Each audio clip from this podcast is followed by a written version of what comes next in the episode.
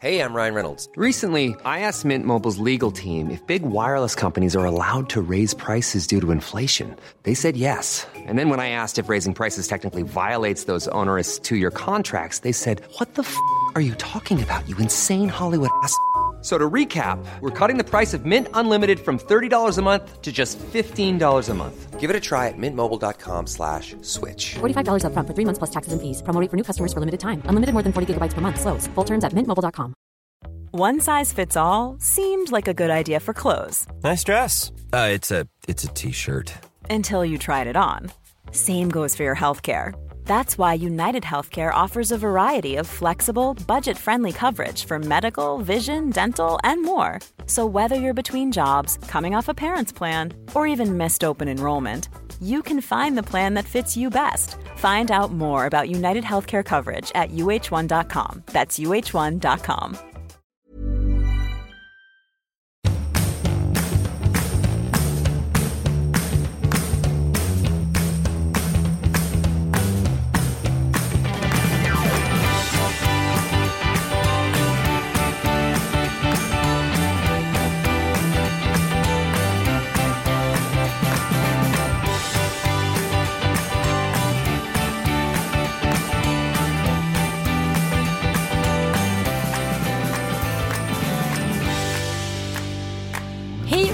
välkomna till ännu en lille lördag. Ni blir aldrig av med oss och jag hoppas inte att ni vill det heller. Jag vill inte bli av med dig Anita. Nej, jag vill aldrig bli av med dig Ann. Du är min first wife. Ja, absolut. Och du är min first också. Ja men underbart. Du är min first lady. First lady. Lady. Du är min Eulalia också.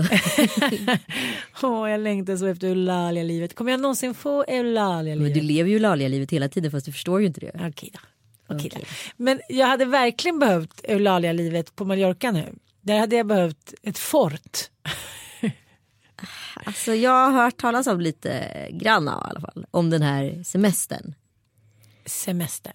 Om, om det var, ens var det en semester. Eller var, alltså ibland, förlåt mig Ann. Nu ska inte jag gå händelserna i förväg. Det kanske var förträffligt. Men ibland känns det som att du tar väldigt så här spontana beslut runt saker som du tänker ska bli härligt och så blir det inte så härligt. Nej men du vet ju själv, man har varit på ganska många semestrar i sitt liv. Absolut. Och jag har varit med väldigt många semestrar och jag har varit på ganska många semestrar med mina barn och nu börjar jag känna att åren går och eh, ja, men det har varit mycket så här, man är på charter, man reser runt, alltså det kräver ju lite mer att resa runt men jag tror att jag någonstans har förträngt att jag fått en bebis så jag tänker så här, men gud nu är Bobban tre och killarna är stora så nu skulle vi kunna göra någonting som även ger mig en liten Lisa för själen. Ja, men både jag och Sanna är ju väldigt historiskt intresserade och att leva inne i en sån här gammal by det tycker jag är så här, det är det bästa jag vet. Då blir jag ju så här, Ja, då blir du Eulalia. ja, då, blir, då blir jag en lycklig Eulalia som får klampa runt på kullerstenarna. Klampar verkligen Eulalia? Hon trippar väl? Det. svävar. Ja, så då tar jag lite sådana beslut att gud vad roligt att bo i en gammal fabrik mitt i Sojer och sen så kan vi bara ta det lilla romantiska tåg till stranden alla i samlad tropp en, två, tre, fyra, fem, sex, sju, åtta, nio, ja, du fattar Mm. och sen kommer man dit eh, jag kommer ju direkt från våran tävling och eh, I Frankrike. i Frankrike och alla barn eh, har ju fortfarande behov. Mina barn är ju som Sanna faktiskt gav mig beröm för alla väldigt alla väldigt starka karaktärer. Mm. De har dels väldigt stark vilja, dels vet de exakt vad de vill, vad de vill ha, eh, hur de vill se ut, bla bla bla. Så det är inte så här att jag kan liksom stoppa dem i en och samma bunt som man faktiskt kan göra lite med vissa barn. Nej men det där kan ju, alltså, du förstår vad jag menar, det där är ju dubbelt. För det är ju så här, Superdubbelt. Ja, ja för de, det är ju svinhärligt att de har med sina egna. Ja. Men det kan ju kosta ganska mycket. Man kan ju bli så här mamman som hela tiden hamnar i skuld. Jaha nu vill han ha det och det vill inte han ha. Okej gud vad gör jag då? Alltså istället för så här, ja men alla går upp klockan åtta och är liksom lite von trapp-familj. För alla vill ha sin egen tid och Mm. sin egen liksom, alltså. Åh, nu måste jag bara drömma lite om hur det skulle vara att ha en von Trapp-familj.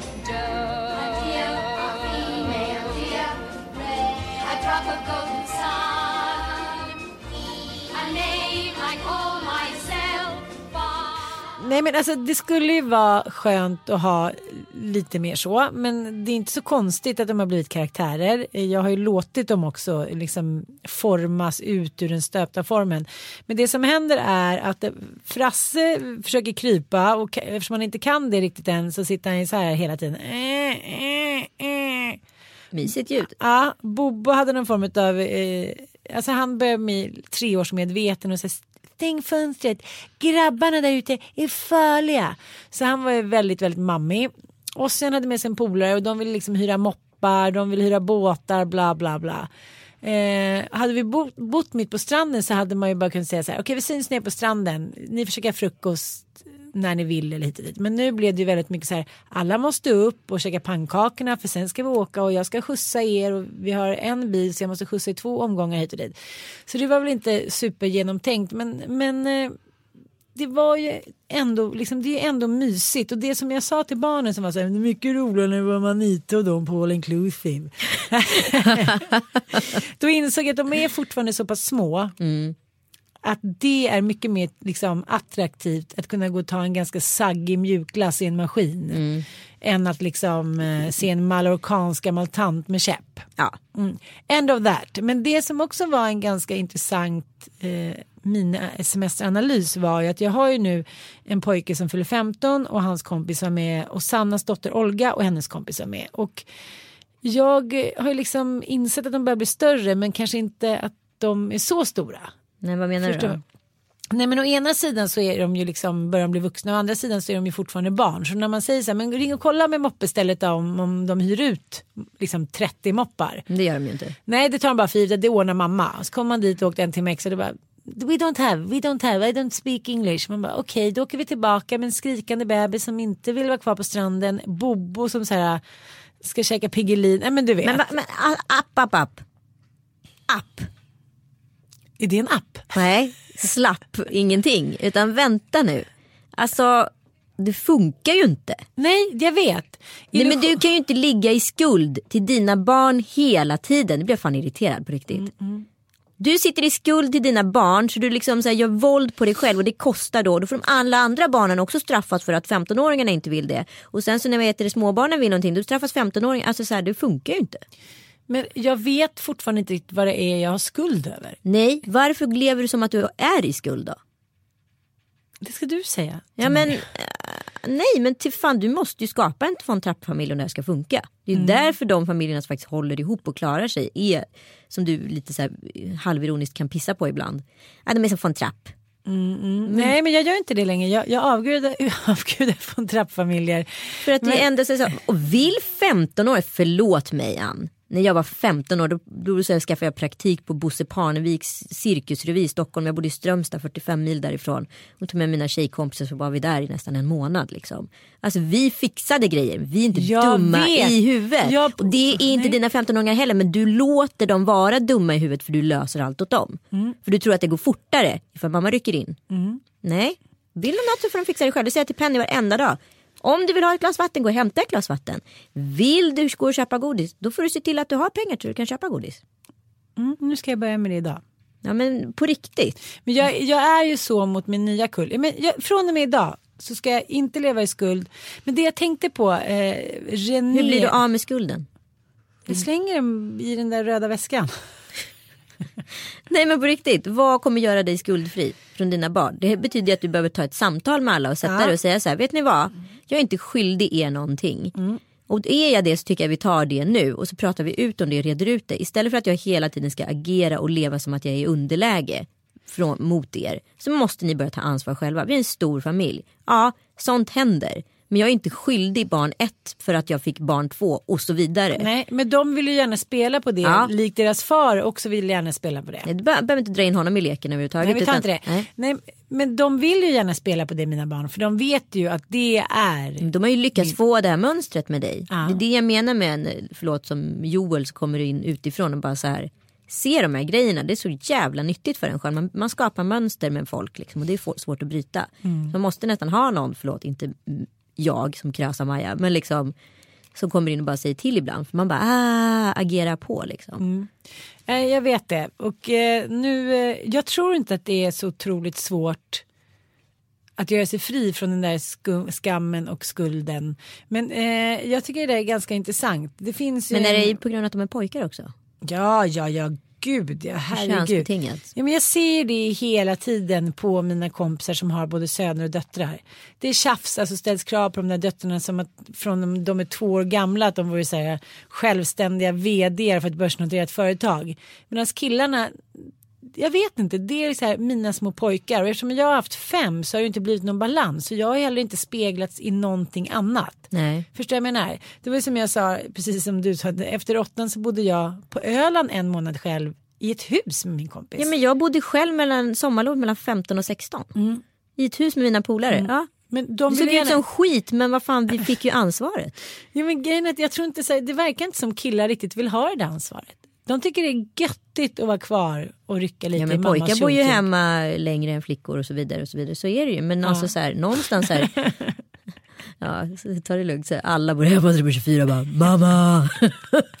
Vad fan inga rena kallingar. Mattias, Mattias har liksom köpt ett eget hus i ett träd så de inte ska kunna komma upp dit. Träd, han sitter så här med långt vitt skägg och bara ding ding ding ding. Ringer in lite klocka så kommer du klättrande upp med någonting. Nej det måste läsas. Ja men, men jag tänkte på. um, Nej men du är inte i skuld för att du fått barn två för barn Nej. ett och så vidare. Nej, och det det, kommer aldrig vara synd om dem för att de har, är, har en viss placering i Men, syskonskaran. men det är lite, det är lite så här som eh, Brené Brown som är liksom, vad ska man säga, psykolog och forskar hit och dit kring skam och skuld och liksom det här att man ska våga vara sårbar. Jag har ju inte riktigt vågat vara sårbar inför dem för att jag har tänkt det finns så mycket sårbarhet runt dem. Eh, Men du kan ju inte skydda dem från livet. Nej jag vet, men jag börjar inse det nu att nu eh, klarar de sig själva. Det spelar ingen roll om jag är sårbar och säger som det är. De tror inte jag, men, jag pratade faktiskt med en kompis om det där igår och hon sa så här till mig, ja men du, du, varför, ja, varför mina pojkar, de, eh, de vågar inte det, de vågar inte det. Då säger jag så här, men vet du en sak, det kan handla om att du och jag visar oss aldrig svaga. Nej. De tror så här att om, om de visar sig svaga, då kommer vi tycka att de är misslyckade. Så istället så vågar de inte ta liksom det där sista klivet ut i någon form av vuxenhet. Eller man behöver inte vara vuxen när man är 14-15, det är inte det jag menar. Men det, det, det kanske är att jag är mer kontrollerande än vad jag tror. Jag vill ha mer koll än vad jag ska. Eller jag, Nej, jag, tror inte du jag tror inte det handlar om kontroll. Jag tror det handlar å, tillbaka till skulden. Jag tror det handlar om det och sen så blir det ju indirekt curling där. För man tänker så här, det går mycket fortare ifall jag löser det. Det går mycket fortare ifall jag löser det. Och sen så håller man på med det går mycket fortare än det jag löser. Och sen så visar det sig att du är liksom butler. Ja, Mer än mamma. verkligen butler. Ja, eh, men, men det är ju väldigt många, när man pratar om skam så är det så här, alla skammar ju typ varandra tycker jag lite i den här världen. Men jag tror det är någonting Mång- som är väldigt tydligt för vår generation också. För jag har sett en yngre generation mammor. Där skammas det ingenting. Där är det verkligen Bellinis och babies. Vi pratade om det här för Ja, typ ja. ett år sedan. Hur kommer det bli när så här, förlåt vad ska jag kalla det för, Petra Tungård och Mikaela Forni-generationen eh, skaffa barn. Och nu är ju Margot Ditz, en tjej i det gänget, har ju faktiskt fått barn. Hon är väl 26 Mm. eh, och är förstagångsförälder. Och det är ju Bellinis babies. Och det är ingen skuld och skam i det. Nej. Barnet är med på fester eller så är barnet inte det. Eller så är pappan hemma med bebis eller så är mamman ute. Alltså det är så här. Ja men det är lite som tycker jag att eh, 2017 är, är lite så här back to the 70s. Ja, men shame on us säger jag, Mm. som skammar. För jag tycker att det finns många fingerpetare eller på att säga. Ja men fingerpekare. Ajabaja fingrar. Ja, som liksom, ja, då, ja, hon gjorde så, nej gjorde hon det. Och sen så skammar man nästa och sen så blir det bara ett långt liksom skamled, en sån dominoeffekt. Att alla så här, hon är så dålig och den är så dålig och hit och dit. Men jag tror att det handlar om mycket det att man känner att man inte räcker till. Och ja, det är lite som vi pratade om förut att när man skaffar en ny bonusfamilj eller vad ska säga, då vill man ju så gärna att det ska kännas som en kärnfamilj. Fast det sen- går ju inte. Det Man jag kan vet. ju inte återskapa kärnfamiljen och det är här många gör fel ju. Det är ju du är ju en enhet med dina tre pojkar. Och sen är det Mattias och, och de nya barnen som är den nya kullen. Mm. Det är två olika familjer i en. Och liksom så ska ju upplägget se ut också. Mm. Alltså du kan aldrig tvinga Mattias att bli liksom pappa till dina äldre barn. Han kommer ha röstmandat Mm. i familjen precis som vem som helst. Och det pratar jag och Joel jättemycket om. Så här. Alltså, alltså antingen får du välja att vara gäst i familjen och komma på besök och vara roliga lekfarbrorn. Ja. Eller så får du vara den som flyttar in men du kommer inte vara kanske bonuspappa, du kanske kommer vara Joel en ganska lång tid. Och sen så vet du i förlängningen så kommer ju det säkert ja, utmynna i det ena med det andra men liksom, du har ju röstmandat att säga till mina barn att gör inte så och gör gärna så. Och då kommer ju också liksom den dramatiken så här försvinna. Men det verkar vara en sån otrolig issue för många nya familjekonstellationer. Att den andra inte får säga till. Jag pratar med massa kompisar med sig. Prata om bonusdotter bonus och säger ja men då gör hon så. Eller så. Jag bara men gud det där får du ju faktiskt gränsa. Det får du säga till om. Nej det skulle jag inte kunna göra. Det är så här gud jag säger till Mattias om du tycker att du har fog eller liksom tycker att du behöver säga till. Se till hur mycket du vill. Sen kan det vara så att jag försvarar ibland när jag tycker att det är fel eller liksom ja, men som man är mamma då eftersom de har en bara i en ny familj. Bobo och Frasse har ju oss båda hela tiden. Liksom. Så kanske man ibland så här får lägga lite mer krut på de som bara har en om man ska säga. Men eh, det där fattar jag inte att det ska tassa så jävla mycket på tå. Om man nu ska så här, leva tillsammans ah, då får man ju antingen så här försöka, inte agera. Det, det finns ju ingen kärnfamilj kvar, den är ju död känns det som. Man måste i alla fall agera utifrån att man tänker alla de här nya medlemmarna som en enhet och inte så här som ensamma öar som sitter så här med ett litet sorgeflor och bara tycker synd om sig själva. Nej. Offerkoftornas paradis måste ju den nya bonusfamiljen vara. Ja och grejen är ju så här, jag tror att liksom problemet med vår, gen, eh, liksom vår generation som föräldrar det är ju att vi står i sån otrolig skuld. För vi har inte levt på det sättet som våra föräldrar gjorde. Men vi lever ju en chimär utav det liv våra föräldrar levde. För våra föräldrar pratade inte om någonting. De har ju inte berättat något för oss hur det var. Nej, vi var bara barn som så här, fick hänga med och ha lite mysigt och pysigt. Ja, men vi- de har ju aldrig yttrat en föräldragrej vad de har tyckt varit jobbigt eller härligt eller någonting. De, all, all kommunikation runt oss som barn är ju utifrån så här, du var sån här eller du var sån här. Inte hur de var Mm. Nej, i nej, förhållande nej. till oss. Därför tro, lever vi hela tiden i skulden och skammen att vi är så himla dåliga i och med att vi hela tiden får reda på hur vi är utav våra barn. Mm. Och vi hela tiden orerar och funderar på hur vi är. Och gå in i liksom diskussion. Varenda känsla. Men du då? Nej men alltså jag Ja. tror så här att Nej, det, är en, det, är en bra, det är en bra liten analys tycker jag. Men jag hade ett så här jätteintressant samtal i helgen eh, där vi pratade om tennis som fenomen som sport. För att tennis ska tydligen vara den sport som är bäst för barn. Jaha. För att de får lära sig att förlora. För det är så otroligt många förluster innan en vinst kommer. Ah, de flesta andra sporter har du möjligheten att vinna varje gång. Till och med lagsporter har du möjlighet att bli bra som lag. Lagsporter är såklart bättre än individuella sporter. Men där har du fortfarande chansen att vinna väldigt mycket. Och då blir du inte bättre på förluster. Våra barn är livrädda att förlora idag. Våra barn är livrädda att ha fel. De får ångest och liksom, det är väldigt mycket det är väldigt mycket lägre högsta nivåer för saker och ting. Förstår du vad jag menar? ja, jag precis. Så att de är så mycket känsligare och, det, och vi ska in och liksom styra och hjälpa till och mår någon dåligt och kanske vi ska göra en utredning och det ska curl. Alltså så, så det är livsfarligt att vara svag. Ja, gud ja. Nej, men det går ju inte. Det Nej. går ju inte att vara svag längre om man säger så. Och det är det som jag tycker är så himla tragiskt med det här samhället. Att det spelar ingen roll om det handlar om liksom att man blir cancersjuk eller om man eh, säger att man, "Nej, men jag orkar inte mer. Folk vet inte hur de ska bete sig. då. Det är nästan som att man säger att någon är död när man säger att man inte orkar mer.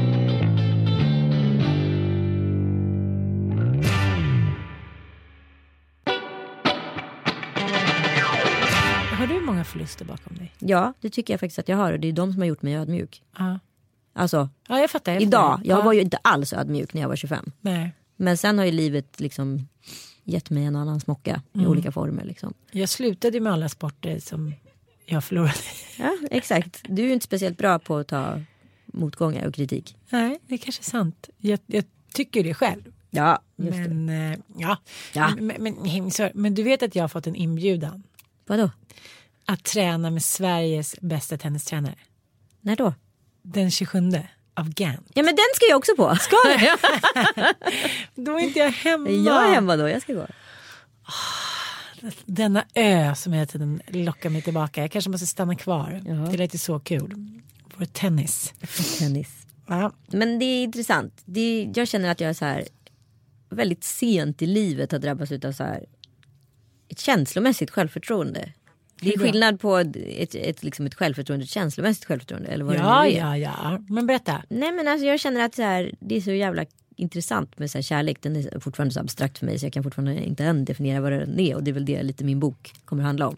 Men, eh, men jag valt tror jag en person för första gången i mitt liv utifrån självförtroende. Och inte kanske bara känsla. Ja, jag fattar. Eh, Utveckla. Nej men det är väldigt speciellt vad det gör med relationen ganska tidigt. Att man så här värdesätter den på ett helt annat sätt och man är inte rädd i relationen heller. Alltså man är inte rädd att förlora på samma sätt. Ja, jag fattar. Bara för att prata om precis som förluster. Men För den första relationen där det blir på allvar, på riktigt. Till Ja. exempel när man får barn eller känner sig att den här människan kan inte jag leva utan. Där fastnar man ju ofta i rädslan för förlust. exakt. På ett så här helt absurt onödigt sätt. Man, så här, man håller fast i sin så här, rädsla för förlust som att man vore så här, ett förlist skepp. Och sen så inser man så här, men gud skeppet förliste ju för liksom fem år sedan. Här ligger jag liksom i spillrorna. Det finns ingenting liksom bra kvar. Så att jag vet inte.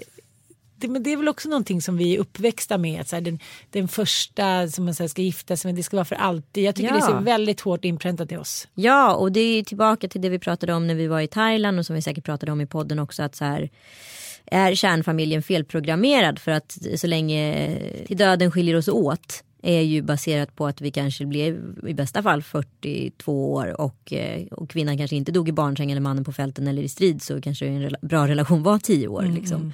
Och cellerna i kroppen är också pro- inprogrammerade på att så här, du får en relationsdipp efter 10 år och sen så många står ut och lever vidare med varandra och, ja, och vissa gör slut. Liksom. Men i och med att vi har blivit äldre som människor, vi är dubbelt så gamla som de andra så borde kanske en rimlig livslång relation vara runt 20 år idag. Men Och kanske helt enkelt kan, du får ju plats med två upp till tre, fyra sådana. Ja, jo, ja, det är verkligen sant. Men hur, nu är du inne i en ny relation.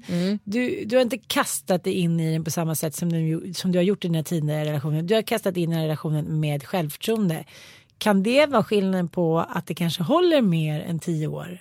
Ja, jag tror det. Sen tror jag också att det finns något intressant i den här eh, åldersaspekten. Att det faktiskt finns någon typ av att jag inspirerar med mitt driv och eh, hinner bygga upp en viss eh, karriär, status, ekonomisk mm, bas. Och sen så när det är dags för honom att växla upp då kan jag börja växla ner lite. Så då kan jag liksom vara trygg. Men det, alltså jag har ingen aning. Nej, det, det kan ju vara så liksom. Ehm, och sen så tror jag att det finns en mycket jämställdare liksom, idé om när kvinnan är lite äldre än mannen. Och det är finns ju också mätningar på att de relationerna faktiskt håller längre. Aha, gör Mm. Det? Faktiskt. Ja, men så att eh, du, kan, du tänker så här, det här kanske, tänker du så här den här gången, det här, hoppas det här är för livet? Ja, det gör jag verkligen. Ja, och jag, är liksom, jag försöker hela tiden hitta en så koden till vad, vad som är vad. Och hur, jag har ju alltid som jag sagt varit ihop med pluskillar som är liksom snabbare, mer eh, galna, eh, inspirerande, kreativa, alltså mycket mer än vad jag är. Och jag har ju alltid blivit, tvingats bli, alltså verkligen inte på något plågsamt sätt, men bli den tråkiga, den som håller tillbaka, den som är uppstyrd och organiserad. Eh, så, men jag har ju ett jättebehov av kreativitet själv. Så när jag väl vill kliva fram då blir det oftast en clinch i det. Och helt plötsligt har jag en kille som inte alls är speciellt intresserad av det, det jag är. Eh, utan så här, gillar att vara, stå bakom liksom.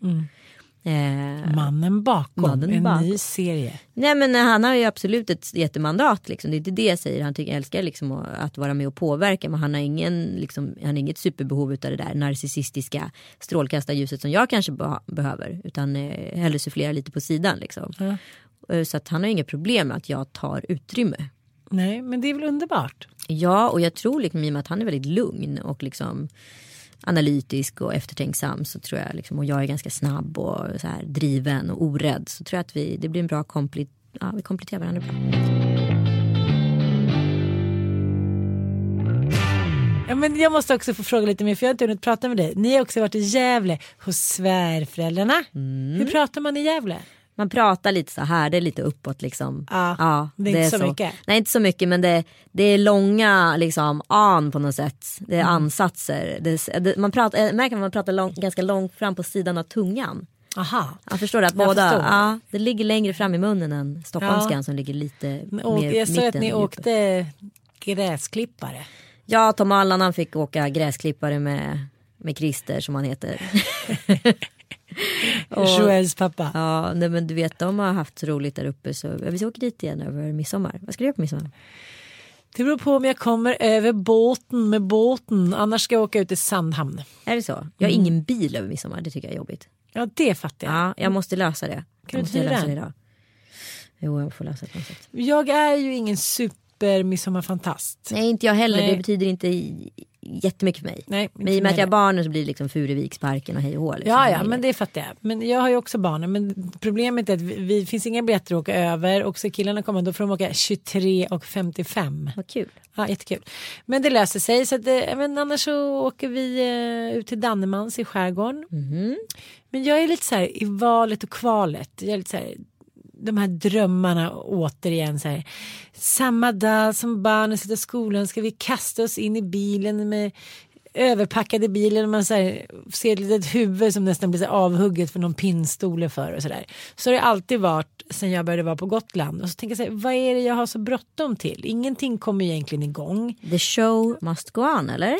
Ja, jag vet inte. Det här uttrycket som jag tänker så himla på att jag har så himla många liksom förutfattade meningar för vad som ska ske för att man, eller jag tänker att jag tänker väldigt mycket så här, ja men som Simon Sköld har eh, tatuerat in, eh, happy wife, li- happy life eller något sånt där.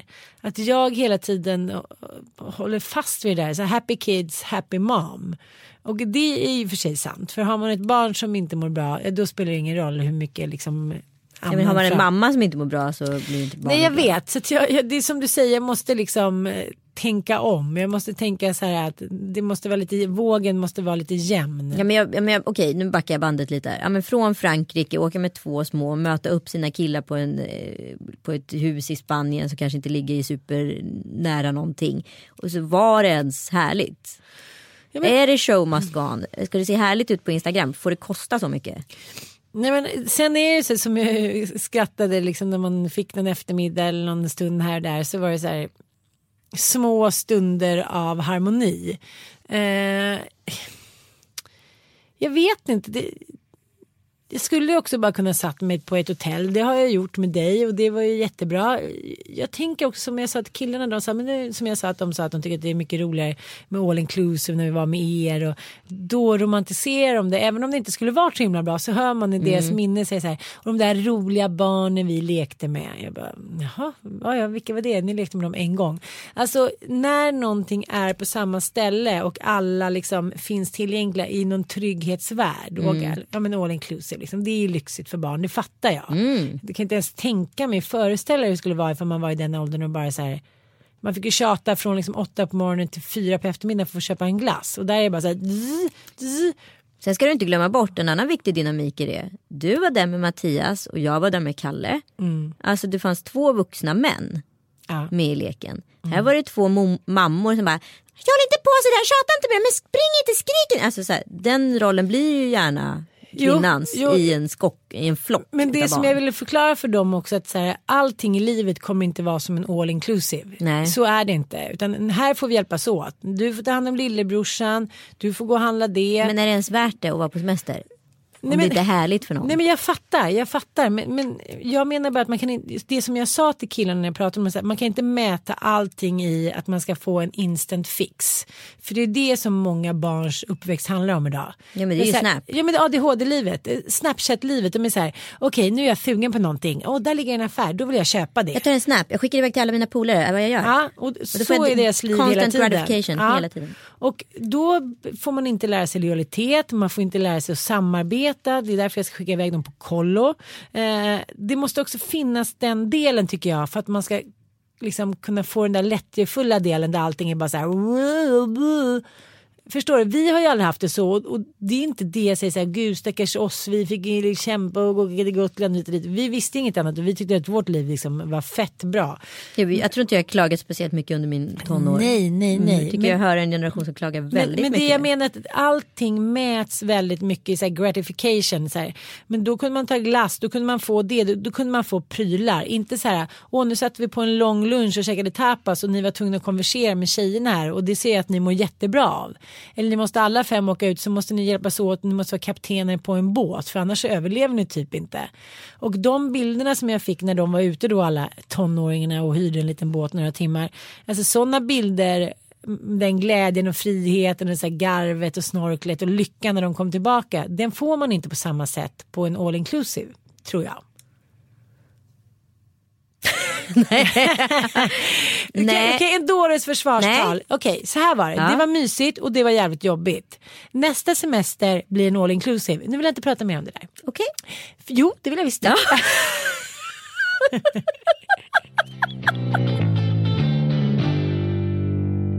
Eh, jag kan också säga att jag frångick min regel att jag ska ringa hem till partnern och klaga. Den frångick jag riktigt hårt.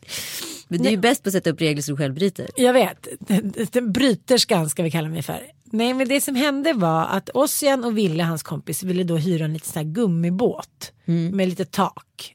Alltså inte, nej, gummibåt och gummibåt. Men du förstår, så man kan vara sex personer på typ. Ja. Ja, tyckte jag, men det är väl roligt liksom. Ja, så eh, åkte de iväg och gjorde det. Sen ville de göra det i dagen också. Då skramlade de liksom ihop så alla betalade typ 20 euro någonting var. Och så när de åkte iväg så var jag, ska ni, kan ni komma in och hämta mig en liten stund sen? Men det, oj, det gick så fort de här timmarna och bla bla bla. Och så tänkte jag så här, det livet som de lever som de också får backup till. Själv var jag så här, mamma pappa jag har jobbat nu fyra veckor och nu åker jag ut och tågluffar. De var liksom inte med i planeringen av mitt liv på det sättet vad jag minns. Eller minns jag fel? Eh, nej, jag tror vi sommarjobbade väl från vi var 15 ungefär. Ja men det var inte så att, ja men de ordnade ju för sig, pappa ordnade ju för sig. Jo.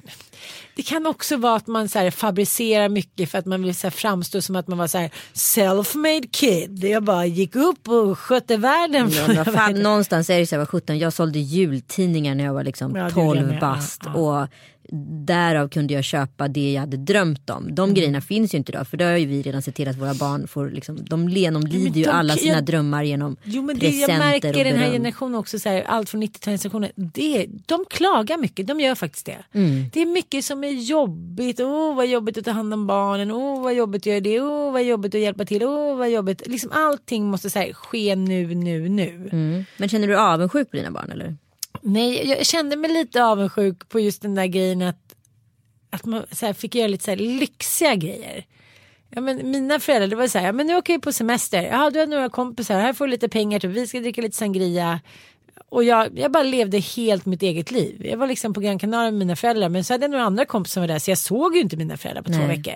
Jag träffade någon tysk eh, liksom bla bla bla. Och Det mina är dags föräldrar, nu igen, Andy Laufer. Jag orkar inte. Ja, Okej, fortsätt. Hej då. fortfarande snygg. Ja. Angela. nej, inte, nej, du får inte säga det där. Jag får fan ont i huvudet alltså. Kan vi inte prata lite? Nej, vi kan inte prata. Jag har sagt nej till Bergman idag, jag har sagt nej till Lind Ullman. Ja, men bara en nej grej med Andy Laufer. Nej, alla har hört allt. Du kan inte fläka ut honom Nej, på men ett sätt Han till. skickade sen ett kort då för vi skulle träffas på sommar. Och då skickade han ett kort där han såg ut som Rod Stewart i håret. Jag har redan sagt det här. Okej. då, okej ja då. And laugh, I miss you. Nej men då blev jag lite så här, gud. Då tänkte jag lite så här, oh, det kanske blev lite nostalgi. Jag har varit lite blå senaste tiden. Där åker de iväg sitt nya fria liv och liksom de bara så här har allting framför sig och jag kommer hjälpa dem att få ett göttigt liv. Det vet de ju liksom. Alltså, jag, jag blev lite avundsjuk bara på den men förstå, höjden av de härligskapsgrejerna de fick göra. Det fanns en intressant sak. Jag hade en diskussion i Kenya med, med mm, White British Kenyan people. Alltså Ja, ja. för några år sedan. Eh, och då var det så här att eh, det som är problemet för vita kenyaner som de kallas. Eh, som då flyttar tillbaka till moderlandet England om de nu har emigrerat därifrån fast de kanske är second generation så de har bara levt i Kenya. Och I Kenya lever du nu som vit såklart oftast mycket mer privilegierat än, än svart tyvärr. Eh, du har oftast en husa, du har kanske en kock, du kanske har en städerska och så vidare. Så när de då flyttar hem till the motherland då vad heter det, kan de inte ens koka ett ägg. Nej det är sant. Så de lever ju som, de lever i chocktillstånd och som typ luffare i lyx. För de vet ju inte hur de ska göra med tvätten. De har bara sett att tvätten ligger liksom vikt på sängen varje dag de kommer hem. Eller hänger perfekt i garderoben. De, förstår, alltså, de har ingen aning. Är det det vi håller på att skapa? Gud, vi är liksom husor för våra barn. Jag säger det, Butler Life. Men gud, tänk när de flyttar hemifrån sen. För många är så här, men gud nu är Ossian, han är bara 14, han kommer liksom. Nej, han, är inte bara 14. Nej, han är 15, han kommer snart flytta hemifrån. Så här, mm, får, man får väl curla så länge Men det är som du säger, mina barn kanske inte kommer flytta hemifrån förrän de är 24-25. Nej. Då ska jag alltså så här, nörsa dem 10-20 Jag kan inte ens prata om det. Du, jag måste ta en paus. Ja, okej, känner ta en det. paus. Ta en paus, ta en hutt, nej, ta en kopp kaffe. Kanske gå på toaletten också. Ja, passa på. Så får vi lyssna på resten av den här podden nästa vecka helt enkelt. Ja. ja. Och, Du känns eh, som vi är på något på spåren här. Ja, spårarna, spårhundarna. Spårhundarna nosar upp nya förjävligheter. Ja. Puss och kram Puss, på er. puss. Prussiluskarna ska nu koka lite kaffe Ja. med gräddskvätt. Ja. Puss puss, Puss, hej.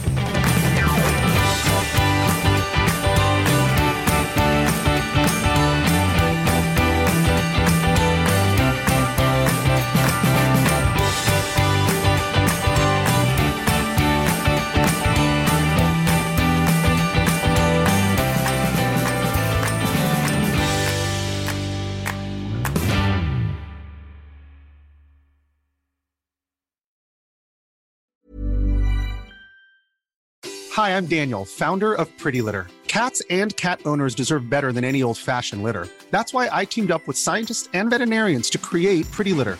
Its innovative crystal formula has superior odor control and weighs up to 80% less than clay litter.